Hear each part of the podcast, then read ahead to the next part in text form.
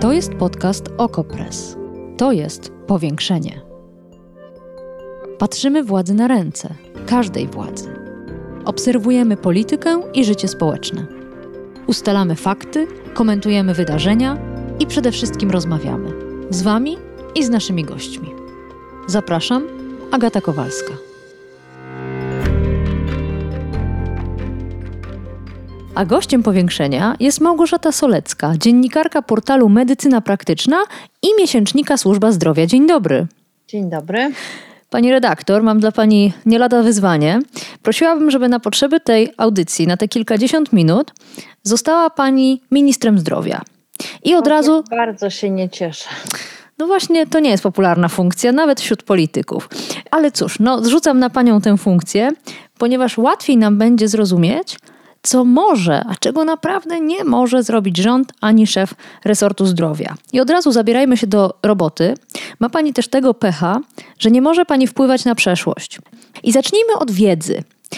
Jakiej wiedzy brakuje nam, wszystkim naukowcom, politykom, urzędnikom, dziennikarkom i obywatelom na temat tego wirusa i na temat zachorowań? Która to wiedza pomogłaby nam zarządzać w epidemii? Wiedzy, y, jeśli chodzi o świat medyczny, to my mamy całkiem sporo już. Y, natomiast w Polsce brakuje nam wiedzy na temat rzeczywistego obrazu pandemii, przebiegu zakażeń, dlatego że od pół roku, od września 2020 roku, zdecydowaliśmy się na strategię testowania głównie pacjentów objawowych. I co najgorsze, y, zarzuciliśmy y, przeprowadzanie wywiadów epidemiologicznych, dochodzeń epidemiologicznych. A co to są? Bo rzeczywiście takie to zarzuciliśmy, jest, że mało tak. kto pamięta, co to w ogóle jest.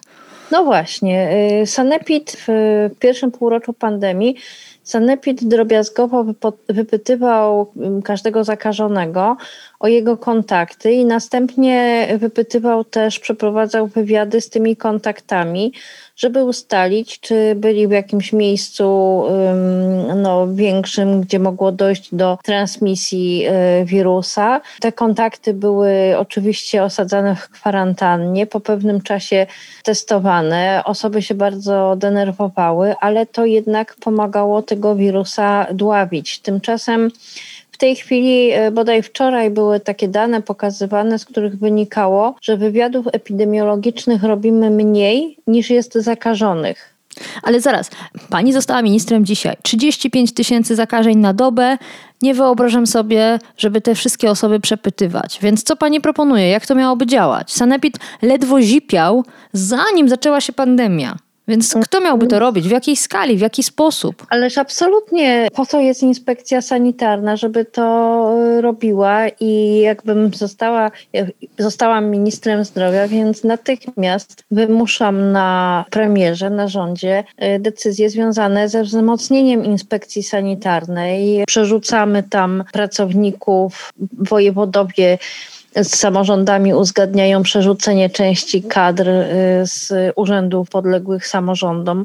Po prostu to trzeba zrobić. Ale no, mamy tych ludzi, walczyć. oni są gdzieś, bo lekarzy brakuje, pielęgniarek Ale brakuje. nie, to nie muszą być lekarze. To jest, y, to wypełnia się kwestionariusz. To może zrobić tak naprawdę uczeń, y, no może nie pierwszej, ale trzeciej klasy liceum, to na pewno mógłby takie wywiady przeprowadzać, bo to się przeprowadza wywiad według formularza, więc to naprawdę nie jest żadna filozofia. Y, szpitale i ratownicy medyczni twierdzą, że bardzo dużą pomocą i wsparciem służą Wojska Obrony Terytorialnej. Ponoć nieźle radzą sobie z logistyką prostą, ale ważną, do prowadzenia pacjentów do punktu szczepienia i tak. Więc może to jest też grupa, po którą można sięgnąć. Znaczy, y, wojska ochrony terytorialnej na pewno są potrzebne w szpitalach. Tam jest mnóstwo y, takiej pracy którą trzeba wykonywać e, też e, z, z pacjentami. I tutaj naprawdę ludzie, którzy siedzą za biurkami na co dzień, e, teraz powinni wykonywać pracę zdalnie,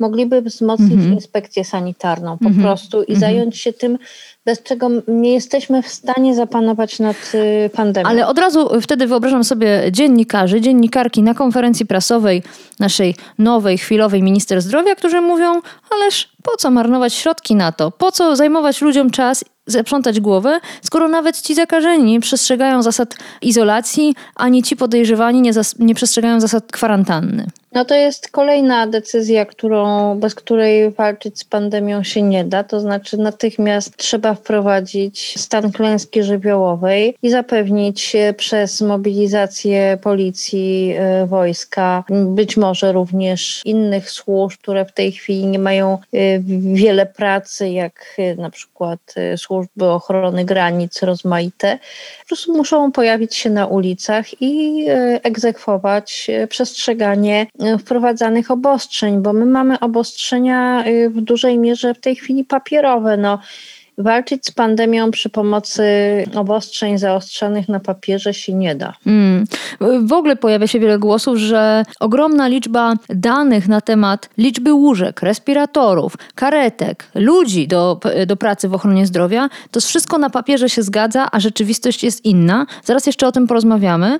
A co z mm, informacjami takimi jak to, czy wirus po szczepieniu wciąż jest groźny, czy osoby zaszczepione zarażają, co z mutacjami, czy ta wiedza pomogłaby nam teraz, gdybyśmy coś więcej wiedzieli? Oczywiście, znaczy tutaj y, mutacje powinniśmy badać, powinno iść do y, badania wirusa, jego genomu około 5% próbek. My nawet nie jesteśmy w stanie śnić o takiej, znaczy nie próbek, tylko próbek pozytywnych. Tak jest. Ale dlaczego to jest takie ważne? Nie możemy się posiłkować danymi z innych krajów i po prostu naśladować pewne ruchy? Znaczy w tej chwili w zasadzie już powinniśmy to robić, bo na sekwencjonowanie wirusa był czas w grudniu, mhm. w styczniu i w lutym.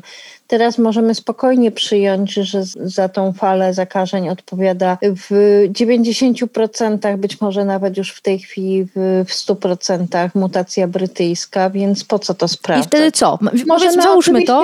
Chociaż mhm. całkowicie bym nie odpuszczała mhm. oczywiście tego projektu, bo mogą się pojawić e, inne mutacje. Z Zanzibaru na przykład. No lepiej, na pewno lepiej wiedzieć niż nie wiedzieć. Mhm. no dobrze, ale to teraz tak, pani redaktor, pani minister chwilowa. Wiemy już, że mutacje są w Polsce, zaprosiliśmy je na własne życzenie. Jak to zmienia naszą e, politykę, nasze, nasze decyzje, jeśli chodzi o pandemię? Na pewno trzeba byłoby wydłużyć kwarantannę. E, wiadomo, że ta mutacja brytyjska jest bardziej i e, przez to, że bardziej, to też jest dłużej zakaźna u osób, które mają objawy w wielu krajach zachodniej Europy już y, dawno temu, tak, czyli kilka tygodni, dwa miesiące temu wydłużono kwarantannę dla osób, u których potwierdzono zakażenie y, mutacją brytyjską. My mamy standardową kwarantannę, więc jest prawdopodobieństwo. Ono oczywiście nie musi się potwierdzić za każdym razem, ale jest prawdopodobieństwo takie, że osoba, która kończy kwarantannę, no, w zasadzie nie kwarantannę, tylko izolację mm. już po potwierdzonym zakażeniu, po prostu idzie i jeszcze zakaża. Mm. Przejdźmy do testowania. Od dzisiaj e, formularz, który stworzyło Ministerstwo Zdrowia, ma automatycznie kierować na testy. Ministerstwo stwierdziło, że prawo do testu przysługiwać będzie każdemu co 7 dni. Czy to jest dobry pomysł? Jakie problemy on rozwiąże? Znaczy to jest po prostu pomysł nie tylko dobry, tylko oczywisty, który powinien być wprowadzony już jesienią ubiegłego roku. Może nie we wrześniu, ale na pewno w listopadzie. Takiego rozwiązania domagali się eksperci niezależni i y, podsuwali je ministrowi i prosili.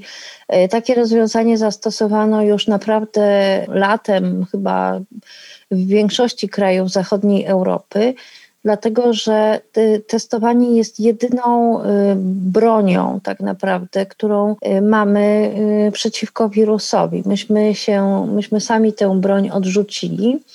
Tutaj trudno oceniać sensowność tego rozwiązania, bo to jest tak jakby oceniać sensowność, czy tlen jest dobry, czy ten, no jest no to, po prostu konieczny. To tylko mam apel do pani, skoro przez chwilę jest pani decyzyjna, żeby ten formularz nie zmuszał nas do kłamania, ponieważ wpisanie objawów prawdziwych często powoduje odrzucenie znaczy, prośby oczywiście, o znaczy, test. nie, nie, nie. To, ten formularz ma sens tylko wtedy, zwłaszcza jeśli dajemy tutaj limit, że co 7 dni taki test przysługuje jeśli on jest mm, zgłoszeniem, jeśli on jest rejestracją, ja bym tam nie wpisywała żadnych objawów. Znaczy można zadeklarować kontakt, tak? A dlaczego nie? Bo w tym momencie trzeba wypisać ból głowy, ból mięśni, nie ma zaproszenia na, szczep- na testowanie. Dodatkowo gorączka, nie ma zaproszenia na testowanie. Jak się dopisze jeszcze utratę węchu i smaku, no to wtedy ewentualnie wyskakuje znaczy, skierowanie. Ja nie, nie robiłam symulacji y, tego, tego formularza. Wiem, że on miał być poprawiony. Nie, nie został. I nie został. No, znaczy nie chcę w ogóle tego komentować mm. w żaden sposób. To powinna być prosta rejestracja na test. Oczywiście byłoby absurdalne, gdyby każdy mógł iść po prostu do punktu drive-thru i y, powiedzieć proszę mnie przetestować, no bo mogłyby się utworzyć zatory. Trzeba się zarejestrować, dostaniemy skierowanie do konkretnego punktu i nie powinniśmy tam nic wpisywać. A dobrze, 35 y, tysięcy zakażeń na dobę to y, jest wciąż ułamek wszystkich zakażonych, prawda? Jak to powinniśmy realnie traktować? W tej chwili to trudno powiedzieć. Na pewno jest więcej zakażonych niż te 35 tysięcy. Według mnie, tak gdybym miała cokolwiek tutaj strzelać raczej, to mnożymy to przez 4, y, maksymalnie 5. Te takie estymacje, że to może być 10 razy więcej, wydają mi się mocno przesadzone, ponieważ jednak w tej chwili testujemy trochę więcej mhm. już i, y, i nie ma takiego prostego mnożnika. Poza tym 10 razy to byłoby chyba jednak dużo więcej pacjentów w szpitalach. Gdyby mhm. to Tych, którzy już są skala. oczywistym e, tak, wskazaniem. Tak, ja tak. nie pytam o to bez przyczyny. Zastanawiam się, czy zmieniłaby Pani sposób komunikacji, prezentowania danych, jakie otrzymujemy. Tu zwracam uwagę szczególnie na liczbę dostępnych łóżek, liczbę dostępnych respiratorów. Na papierze się zgadza, ale w rzeczywistości jest tak, że ratownicy medyczni krążą między szpitalami, szukając wolnego miejsca dla e, duszącego się pacjenta. Co by tu Pani zmieniła? Znaczy tutaj y, to są dwie, y, dwie różne -hmm, rzeczy, bo mhm. komunikować i prezentować dane to się prezentuje je opinii publicznej, czy po prostu szerokiej, szeroko społeczeństwu, mediom. To jest taka informacja ogólna. Natomiast to, o czym pani mówi, czyli dostępność łóżek, no jest tak, no bo ja przecież też wiem, że są problemy, z ratownicy mają problemy, krążą godzinami z pacjentami w karetce, no to jednak zawodzi nie system prezentacji danych, tylko system zbierania danych w szpitalach i e, przekazywania ich na bieżąco, aktualizacji bazy w systemie. Ale gdzie tu, e, właśnie co tu zawodzi? W którym momencie jest kłopot?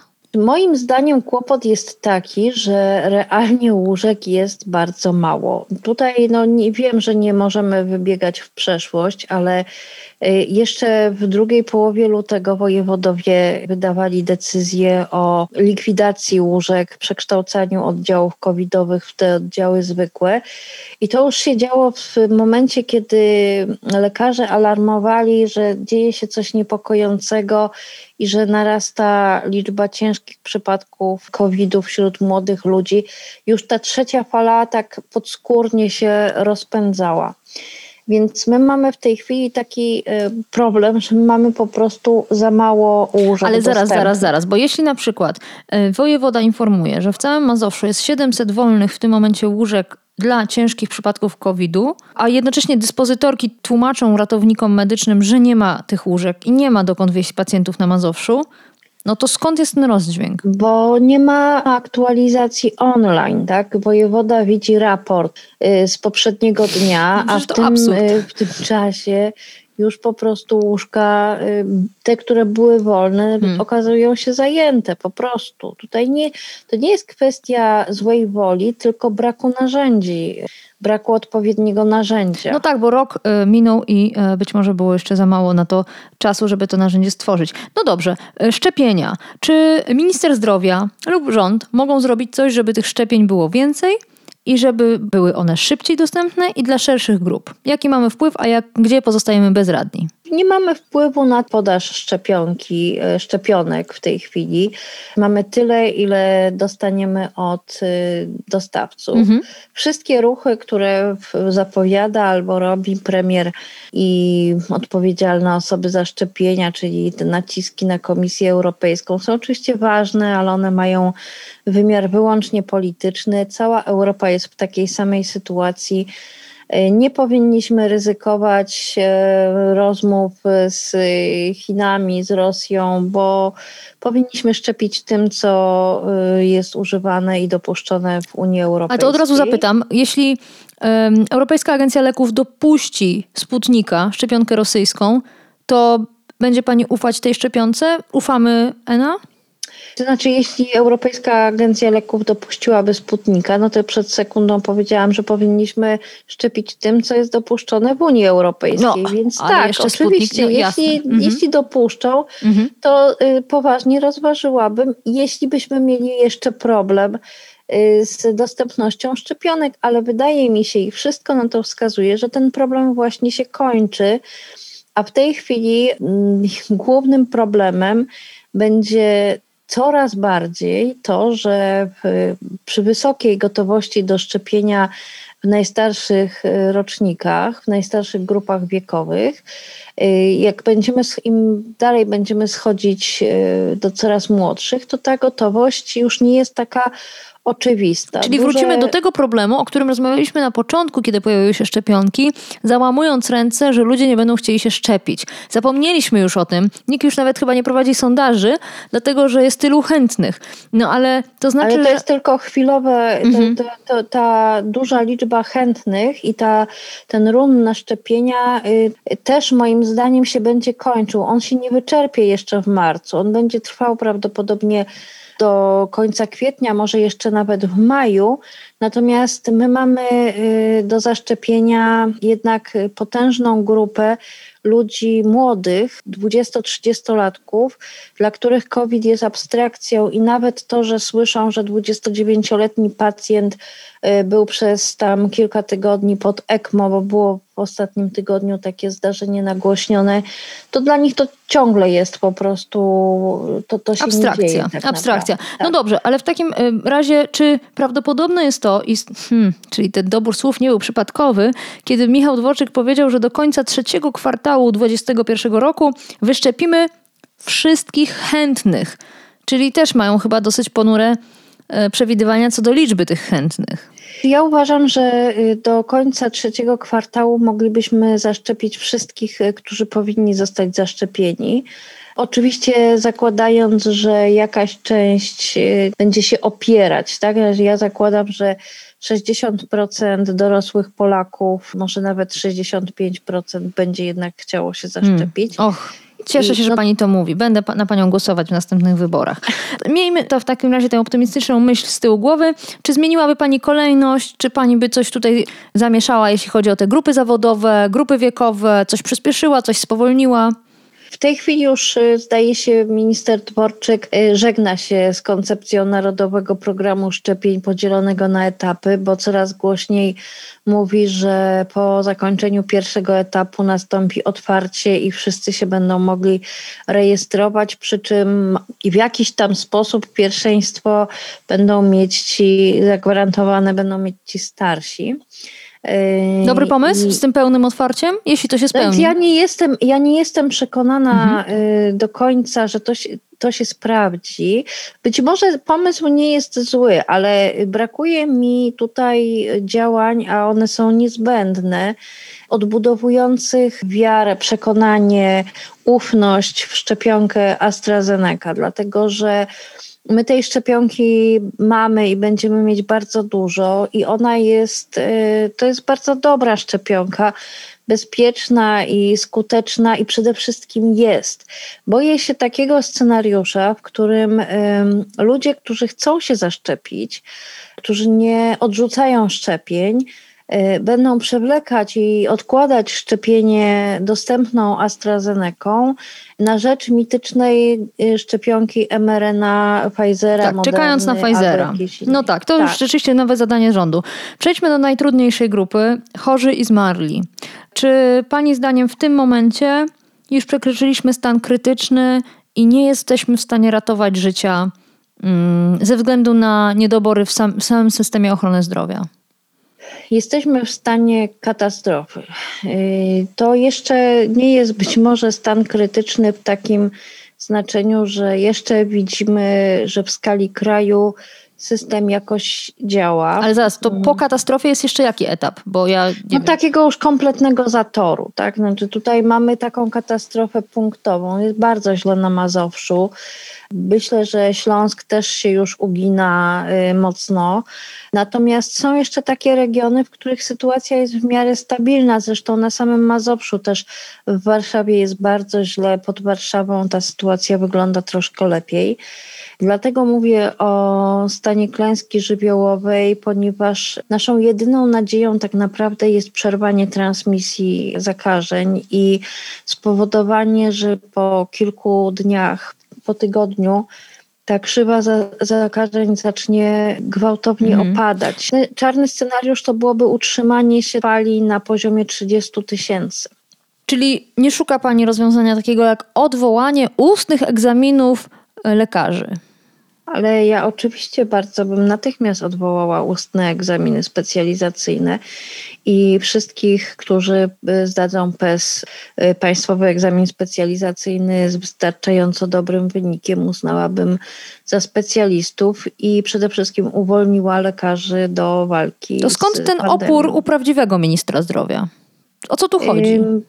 Pan minister, y, panu ministrowi brakuje wyobraźni. Znaczy, brakuje mu chyba takiego wyczucia.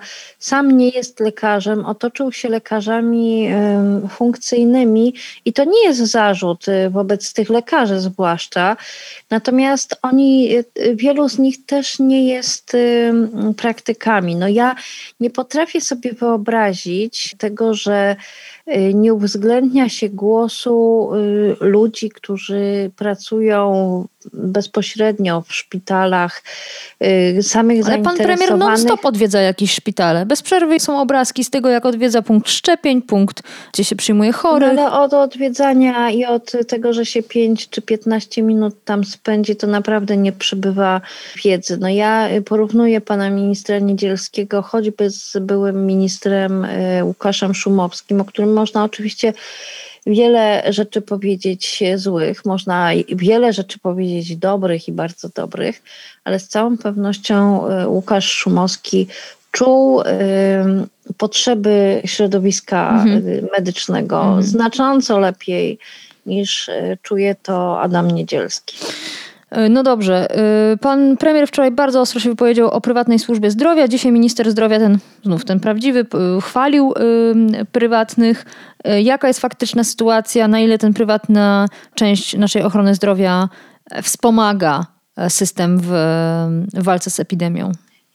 Tutaj trzeba powiedzieć dwie rzeczy. Po pierwsze, prywatny sektor wspomaga na tyle, na ile może i na tyle, na ile mu rządzący zakreślili miejsce w systemie, bo od sześciu lat słyszą, słyszymy my i słyszy sektor prywatny, że w zasadzie się nie liczy, że tylko publiczne szpitale, że prywatni to gdzieś tam sobie mogą być na zasadzie wolnych elektronów, ale publiczne jest najlepsze. Po czym e, w październiku pan minister zdrowia zawiera z prywatnymi pracodawcami porozumienie, bierze tysiąc łóżek covidowych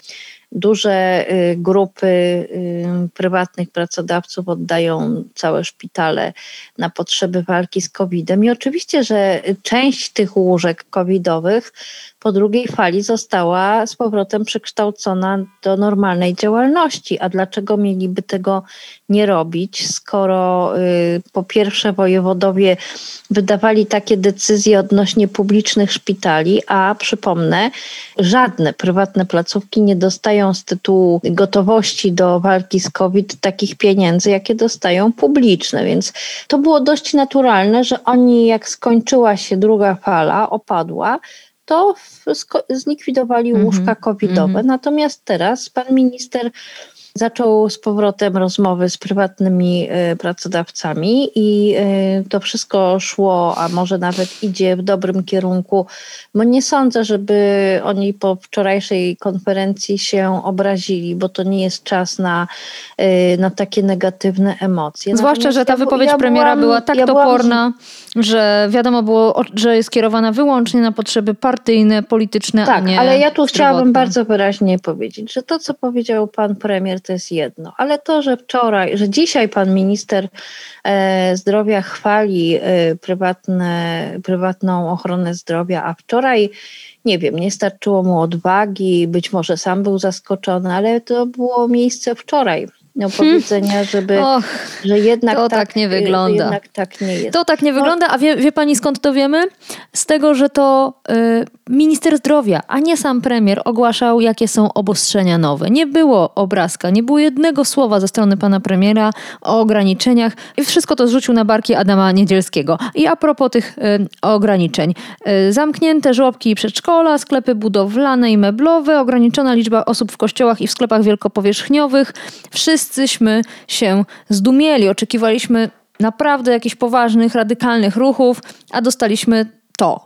Co pani by wczoraj ogłosiła, gdyby pani stała obok premiera? Ogłosiłabym stan klęski żywiołowej. Koniec, kropka. Y, co oznaczałoby możliwość wprowadzenia zakazu przemieszczania się co mogłoby y, oznaczać również zakaz opuszczania domów bez konieczności, bez koniecznej przyczyny. Taki zakaz obowiązuje w wielu krajach y, europejskich. W tej chwili tak było u nas wiosną, dobrze pamiętam? Myśmy się tak, ale u nas to było bezprawne, bo u nas no od, od roku nie potrafią, po prostu tego nie chcą, nie potrafią wprowadzić skutecznych obostrzeń, y, takich prawdzi prawdziwego lockdownu, czyli tego, że musimy zostać mhm. w domu, że możemy wyjść do pracy, możemy wyjść do apteki, możemy wyjść do sklepu, możemy wyjść na spacer regeneracyjny w promieniu kilometra czy dwóch kilometrów od miejsca zamieszkania, ale nie możemy się przemieszczać po prostu bez końca na shopping ciuchowy na przykład. Hmm.